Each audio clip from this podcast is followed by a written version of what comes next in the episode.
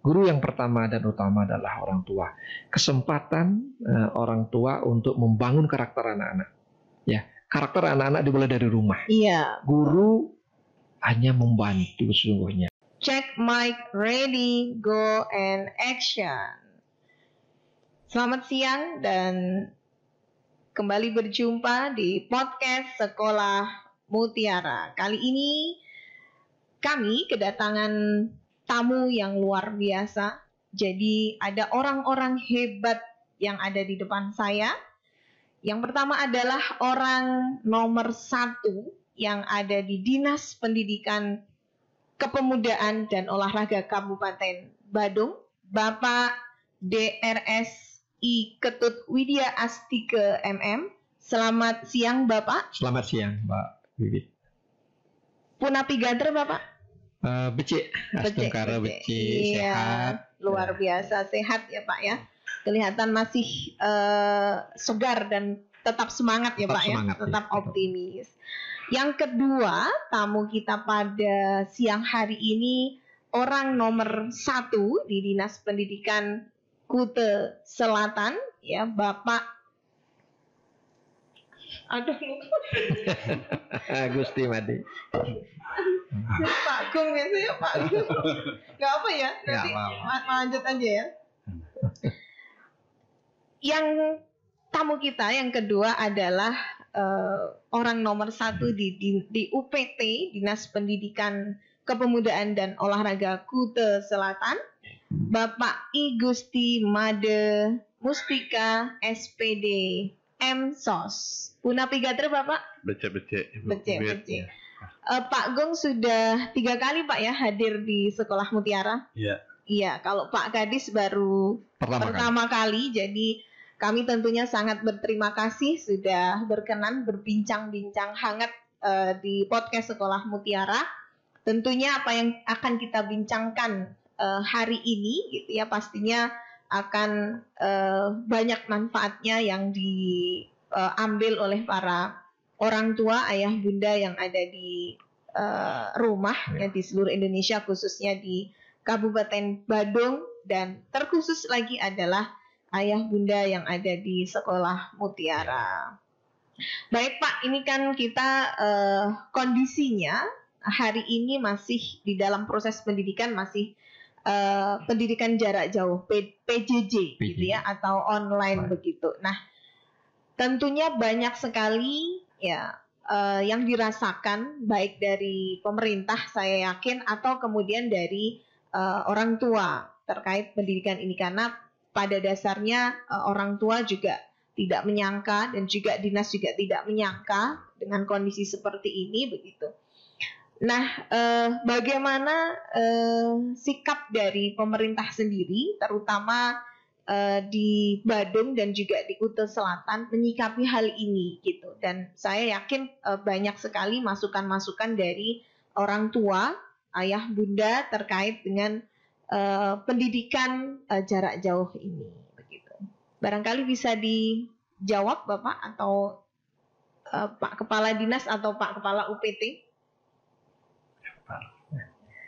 Eh, baik Mbak Bibit, terima kasih eh, sudah eh, menyampaikan beberapa pertanyaan dan permasalahan yang terkait dengan pembelajaran jarak jauh atau Iya. PJJ atau belajar dari rumah yang dilaksanakan selama masa COVID-19, darurat COVID-19 ini. Kalau kita bicara belajar jarak jauh, ya eh, memang belajar jarak jauh ini, pembelajaran jarak jauh ini memang diatur di dalam Undang-Undang 20 2003 tentang Sisdiknas. Ada di pasal 31 Iya. disebutkan bahwa memang dalam kondisi tidak memungkinkan dilaksanakan tatap muka, maka bisa lakukan pembelajaran jarak jauh. Dan ini kita lakukan juga pembelajaran jarak jauh karena pembelajaran tatap muka memang tidak memungkinkan kita lakukan. Eh, di Badung, khususnya di Kuta Selatan, pembelajaran jarak jauh ini sudah terlaksana sejak adanya eh, SK Surat Edaran nomor 4 tahun 2020 yang terbit oleh Kementerian Pendidikan dan Kebudayaan. Secara umum di Badung dan di Kuta Selatan, eh, termasuk juga di Mutiara, sesuai dengan pengamatan kami, sesuai dengan laporan dari para kepala sekolah, ya. pengawas sekolah, termasuk kepala UPT, bahwa pembelajaran jarak jauh ini sudah terlaksana maksimal yang bisa kita lakukan. Iya. Artinya maksimal itu tentu ada plus minusnya. Plusnya ada, kendalanya juga ada. Namun bagaimanapun juga sesuai dengan amanat eh, surat edaran Bapak Menteri, pelajaran jarak, jarak jauh ini eh, dalam pelaksanaannya tidak dituntut adanya ketuntasan kurikulum.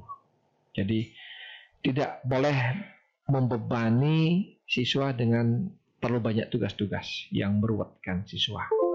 Jadi Dan lebih banyak membebani orang tua juga Pak orang ya. tua juga. Dan lebih banyak diarahkan pada pembelajaran yang bermakna, life skill tentang kehidupan ya.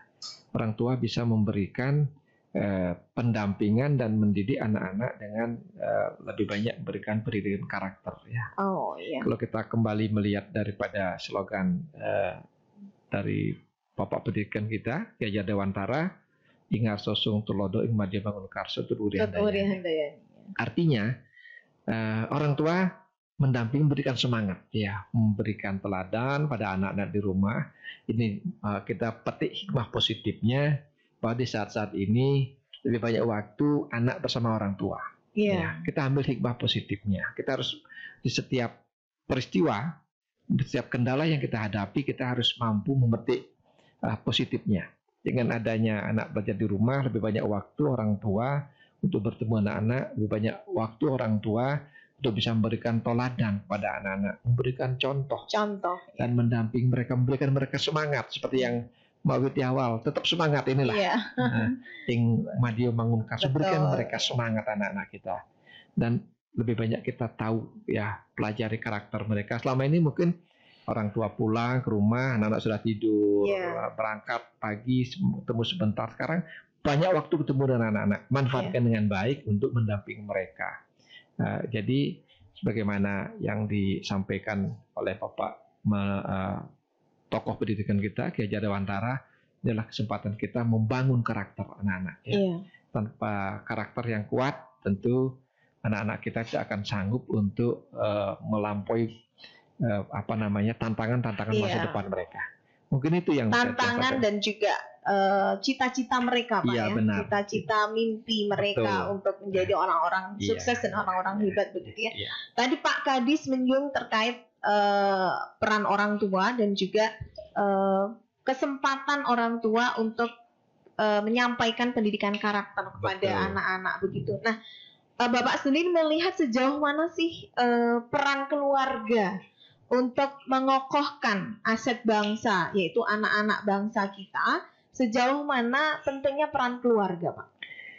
Eh, sangat-sangat vital. Peran keluarga sangat-sangat penting. Ya. Iya, Semua sekolah adalah, semua rumah adalah sekolah. Seperti yang betul Dan ya. juga seperti Mbak Wir katakan tadi, semua orang tua adalah pendidik, semua Pendidik, orang tua ya. adalah guru. Jadi guru yang pertama dan utama adalah orang tua. Kesempatan eh, orang tua untuk membangun karakter anak-anak. Ya, karakter anak-anak dimulai dari rumah. Iya, Guru hanya membantu sesungguhnya, betul betul. membantu sesungguhnya karakter anak-anak dibangun dari rumah. Oleh karena Iya. itu, peran orang tua sangat penting dan sangat vital Iya, uh, dan sangat utama untuk membangun eh, karakter uh, budi pekerti anak-anak. Iya. Ya. Eh, saya lihat di slogannya Permata, Iya. ya cerdas, berbudi dan visioner. Ya, Iya. jadi berbudi- Mutiara, Pak. Eh, maaf. Mutiara. Oh, Mutiara. Iya. Jadi sekolah Mutiara, eh, saya lihat saya sempat baca. Iya. Jadi di sana ada cerdas, berbudi dan Iya. Visioner. Dan ada gayanya, Pak. Cerdas, berbudi, oh, ya. visioner. Nah, cerdas, berbudi, berbudi, visioner. visioner. Ini kan ya. menunjuk ke atas Visioner, begitu. ya. Jauh ke depan. Iya, jauh ke ya, depan. ini kan salah satu. Inilah ciri-ciri eh, lembaga pendidikan yang memang visioner ya. Jadi dari slogan, dari visi itu akan nampak di sana. Karena kita inginkan bahwa eh, seluruh lembaga pendidikan yang ada, eh, mudah-mudahan di Badung memiliki visi yang jauh ke depan Iya. ya untuk membangun anak-anak bukan hanya bukan hanya dia memiliki pengetahuan tapi Betul, karakter ya. Mm-mm. Walaupun Bapak Begawan Manajemen si eh, Peter Tracker mengatakan Iya. bahwa zaman sekarang lah zaman harus penguasaan pengetahuan ya. Iya. Pengetahuan tanpa me- memiliki pengetahuan yang cukup kita akan ketinggalan.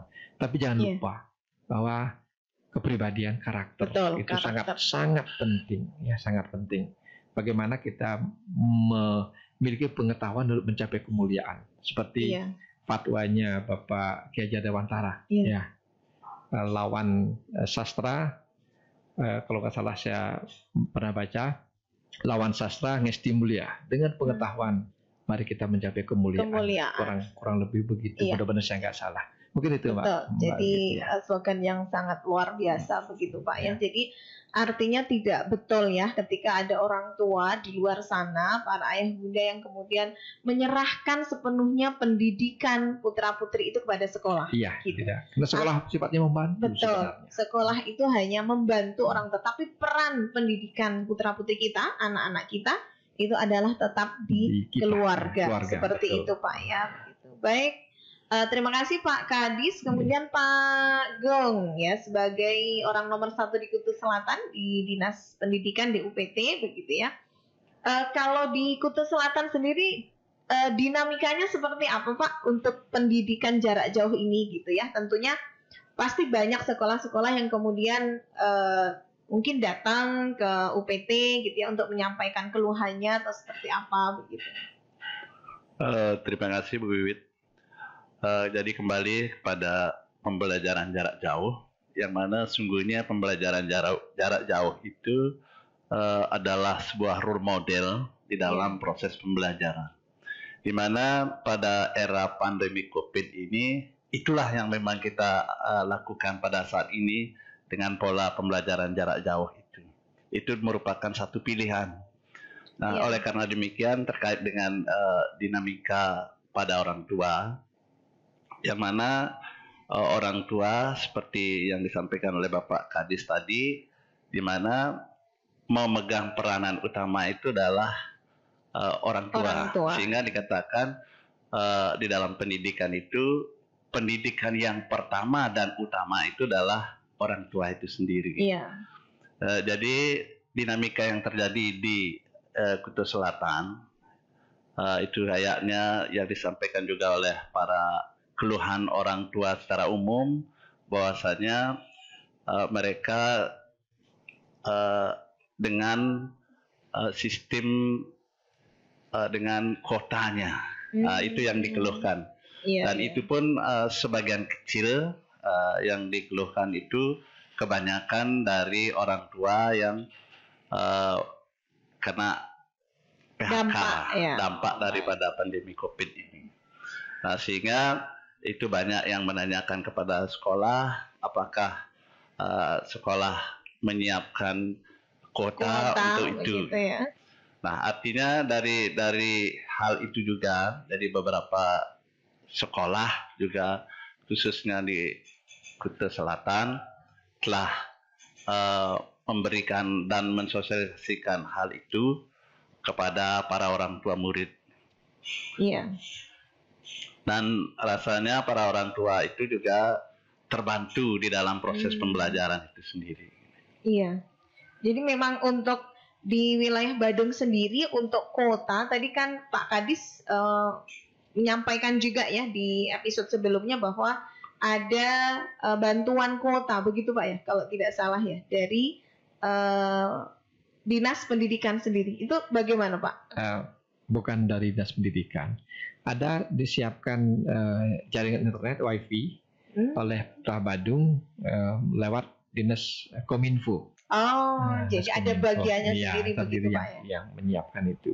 Dan sementara di satu sisi sesuai dengan eh, arahan Bapak Menteri bahwa dana BOS itu bisa dimanfaatkan untuk eh, untuk membeli kuota internet Oh, bagi anak-anak, bagi siswa maupun bagi guru. Cuma di beberapa sekolah, kepala sekolah memang ada yang belum, ada Oh. yang belum memanfaatkan itu. Iya. Ya, ini bisa dimanfaatkan tentu eh, dengan eh, tetap memperhatikan ketentuan yang berlaku. Betul, Ya, betul. itu. Jadi untuk sekolah-sekolah yang memang sudah mendapatkan eh, dana bos Mm-mm, begitu Pak ya. BOS, Kalau ya. yang belum kan memang berarti dananya mandiri Iya, seperti betul. itu dan juga eh, apa namanya untuk anak-anak itu bisa digunakan dengan menggunakan dana bos Bisa, itu Pak ya. bisa, Anak-anak dan juga bisa dibantu begitu. dengan dana bos Oh ya. baik bisa. ya. Jadi memang eh, sebenarnya fasilitas dari pemerintah sudah ada begitu Pak ya.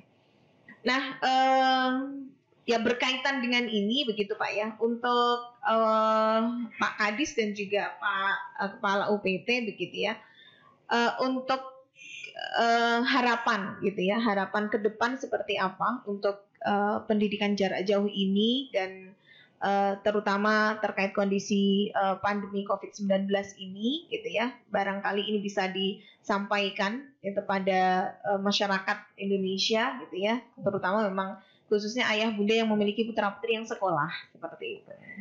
Eh, tentu kita semua ya, kita semua pasti sudah ya, saya yakin kita semua berharap pandemi ini segera berlalu Iya. ya lewat sehingga kita bisa mulai aktivitas kita lebih lebih baik lah ya tidak terkungkung dengan berbagai aturan protokol yang harus kita eh, taati. Eh, yang kedua, kalau pandemi ini sudah eh, berlalu atau minimal sudah ada eh, apa bisa sekolah-sekolah kita buka, Iya, sudah buka begitu. tentu eh, harapan saya kita akan segera membuka sekolah karena bagaimanapun pembelajaran jarak jauh ini eh, ada hal-hal yang tidak bisa kita lakukan, Betul itu Pak. terutama sentuhan-sentuhan Karakter. karakter kepada anak-anak kita bisa kita Iya. lakukan ya. Kalau anak di rumah, apalagi tidak bisa didampingi oleh orang tua karena berbagai kendala, kesibukan kita Iya. sangat memaklumi.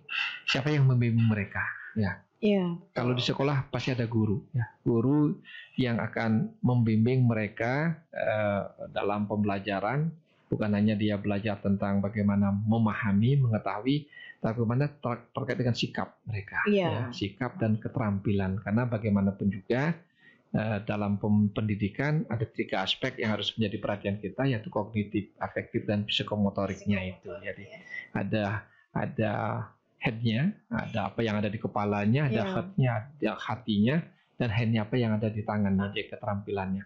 Jadi kalau di rumah eh, dengan pembelajaran jarak jauh, mungkin dari segi pengetahuan bisa ya, Iya. tapi yang lain-lain mungkin belum maksimal bisa kita lakukan. Oleh karena itu harapan kita begitu ada ke, ke apa ada peluang eh, untuk membuka kembali sekolah itu akan kita eh, buka secepatnya. Iya. Mungkin itu. Jadi memang eh, apa namanya? Ya itu tadi Pak ya. Jadi kondisi seperti ini memang eh, awalnya mungkin shock gitu ya. Awalnya semuanya tidak menyangka betul. Tapi memang eh, ini yang harus dihadapi begitu ya oleh semua pihak gitu dan memang harapan kita semuanya bisa segera Berlalu. pulih Ya, kembali, kembali. berlalu aktivitas seperti biasa begitu.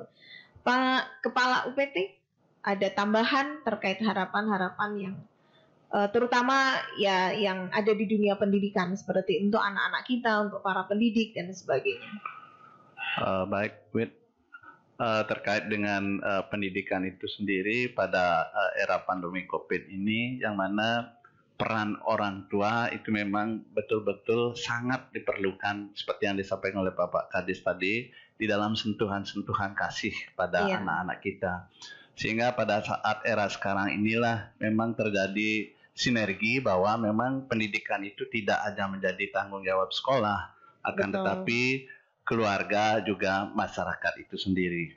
Dan oleh karenanya eh, saya mengharap sekali lagi bahwa pendidikan itu merupakan satu sinergi eh, yang harus memang kita kolaborasikan antara orang tua dengan pihak sekolah itu sendiri. Iya, jadi eh, itu ayah bunda, bapak ibu eh, yang memiliki putra putri yang masih sekolah, yang masih usia-usia produktif dari jadi eh, penekanan yang sangat tegas dari bapak kepala dinas dan bapak kepala UPT bahwa pendidikan putra putri kita tidak hanya tugas dari para pendidik yang ada di sekolah begitu, tetapi eh, lebih jauh lagi sinergi ya antara kedua belah itu sangat penting bahwa uh, pendidikan putra putri kita itu dimulai dari rumah-rumah kecil kita. Kira-kira begitu ya Pak ya? Benar, benar Gitu. sekali ya. Iya. Mungkin kalau boleh saya nambah lagi sedikit Iya. Mbak Wiwit. Tadi saya sudah me- menaruh harapan besar pada para orang tua. Eh, Sekarang saya ingin menyampaikan pesan pada anak-anak semua. Oh ya. baik Pak. Anak-anak bapak yang ada di seluruh wilayah Badung, di mana pun itu, kalian eh, melanjutkan pendidikan, baik dari PAUD, pendidikan sekolah dasar, SMP, eh, dan seluruhnya. Eh, Bapak berpesan dalam situasi pandemi COVID-19 ini, tidak ada pilihan lain, kalian harus tetap semangat dalam belajar ya. Manfaatkan waktu yang sebaik-baiknya, eh, dengan sebaik-baiknya, untuk kalian me- eh, mengikuti petunjuk para guru, petunjuk orang tua, karena baik guru maupun orang tua kalian tidak ada yang menginginkan kalian tidak berhasil dalam menggapai cita-cita kalian. Tetap semangat, pelajaran yang serius, tetap penjaga kesehatan, ikuti protokol kesehatan, dan jangan sampai kalian buang-buang waktu dengan sia-sia. Nanti kalau saatnya sekolah eh, bisa kita buka, eh, kalian akan kembali ke sekolah, bertemu dengan para guru, dengan keluarga besar sekolah kalian masing-masing. Sekian dari Bapak, salam sehat untuk semua. Baik, Pak Gong ada pesan-pesan untuk putra putri kita yang ada di Kuta Selatan khususnya Pak. Eh, kepada anak sekalian walaupun sekarang adalah pendidikan jarak jauh Bapak harapkan kepada kalian semuanya agar tetap menjaga kesehatan yang utama kemudian lakukan protokol kesehatan sesuai dengan anjuran daripada pemerintah. Baik, terima kasih. Jadi eh, poin yang sangat banyak tadi yang sudah kita diskusikan dan, dan saya sepakat bahwa eh, pendidikan karakter, sentuhan-sentuhan kasih, sentuhan-sentuhan eh, antara guru dan orang tua itu tidak bisa dilakukan ketika pembelajaran jarak Jarak jauh Pak ya, iya. tapi Betul. memang harus bertemu bertatap muka untuk eh, mentransfer, menyampaikan gitu ya, tidak hanya sekedar menyampaikan ilmu pengetahuan, tapi kemudian memang eh, melakukan sentuhan-sentuhan karakter gitu sehingga kalaupun kemudian ada wacana sekolah online untuk seterusnya, tetapi eh, ada eh, bagian-bagian tertentu yang kemudian itu harus tetap dilaksanakan. Iya, Kira-kira betul, begitu iya. Pak ya. Jadi kalaupun nanti misalkan untuk teknologinya berjalan se- seperti biasa kan sekarang ini sudah mulai ya sudah eh, digitalnya sudah dilengkapi ya betul. kalaupun kemudian memang anak-anak masuk tapi tetap bisa melakukan pembelajaran secara digital kira-kira begitu Pak ya. Kadis ya gitu. Iya. Terus ada eh, apa namanya berkolaborasi lah. Iya, Ya, berkolaborasi gitu. ya. Jadi memang eh, anak-anak masuk, tapi kemudian mungkin tugas-tugasnya ada di eh, proses Iya, digital betul. seperti itu Pak ya. Ya. Jadi eh, sesuai dengan tadi yang disampaikan Pak Kadis gitu ya bahwa memang eh, moto sekolah Mutiara adalah cerdas berbudi visioner dan ini nampaknya sesuai dengan visi misi dari eh, para pimpinan yang ada di Betul, Badung seperti betul, itu Pak ya. ya. Mudah-mudahan sekali lagi uh, perbincangan kita yang sangat menarik, sangat luar biasa, uh, begitu hangat dan uh, kami berharap tidak hanya sampai di sini saja Pak uh, perjumpaan kita, Iya. tapi kami berharap uh, Pak Kadis ya uh, berkenan kembali ketika kemudian kami undang ke sekolah Ya, Mutiara siap, siap. Untuk Kalau- muti- untuk mutiara siap. Oh, terima kasih Pak. Kalau Pak Gung kan tetangga jadi sering gitu ya. Mudah-mudahan eh, bisa sering eh, berkunjung ke sekolah Mutiara dan ini luar biasa sekali Pak Kadis berkenan untuk eh, hadir di sekolah Mutiara dan ternyata podcast ini adalah di khususnya di dunia pendidikan ini eh, podcast pertama di Kabupaten Badung Pak ya Iya, untuk betul. eh, sekolah seperti itu. Jadi mudah-mudahan untuk sekolah lain di mana pun teman-teman berada, khususnya di Badung, ini mudah-mudahan bisa melakukan hal yang sama sehingga kita bisa memberikan banyak kebaikan-kebaikan untuk masyarakat yang ada di eh, seluruh Indonesia, khususnya di wilayah Badung dan terkhusus lagi adalah Kuta Selatan, terutama untuk para ayah bunda yang ada di seluruh Indonesia karena peran ayah bunda itu begitu penting, begitu vital untuk menjadikan anak-anak kita adalah anak-anak pemimpin-pemimpin masa depan. Terima kasih untuk semuanya. Terima kasih kepada Terima kasih Pak Pak Bibit. Ya. Kadis, Pak Kepala Dinas, Pak Gung, Bapak Kepala UPT yang sudah berkenan berbincang-bincang. Eh, Bapak Ibu semua yang ada di seluruh Indonesia, ayah bunda di mana pun ayah bunda berada, tetap semangat menjalani hari-hari ini dan jangan lupa bahagia, selalu optimis, tangguh dan selalu berkarya. Ya, jadikan kita senantiasa produktif di dalam karya-karya nyata kita. Tetap semangat dan selalu sehat ya. Salam sehat untuk kita semuanya. Sampai bertemu lagi di podcast Sekolah Mutiara. Go and action.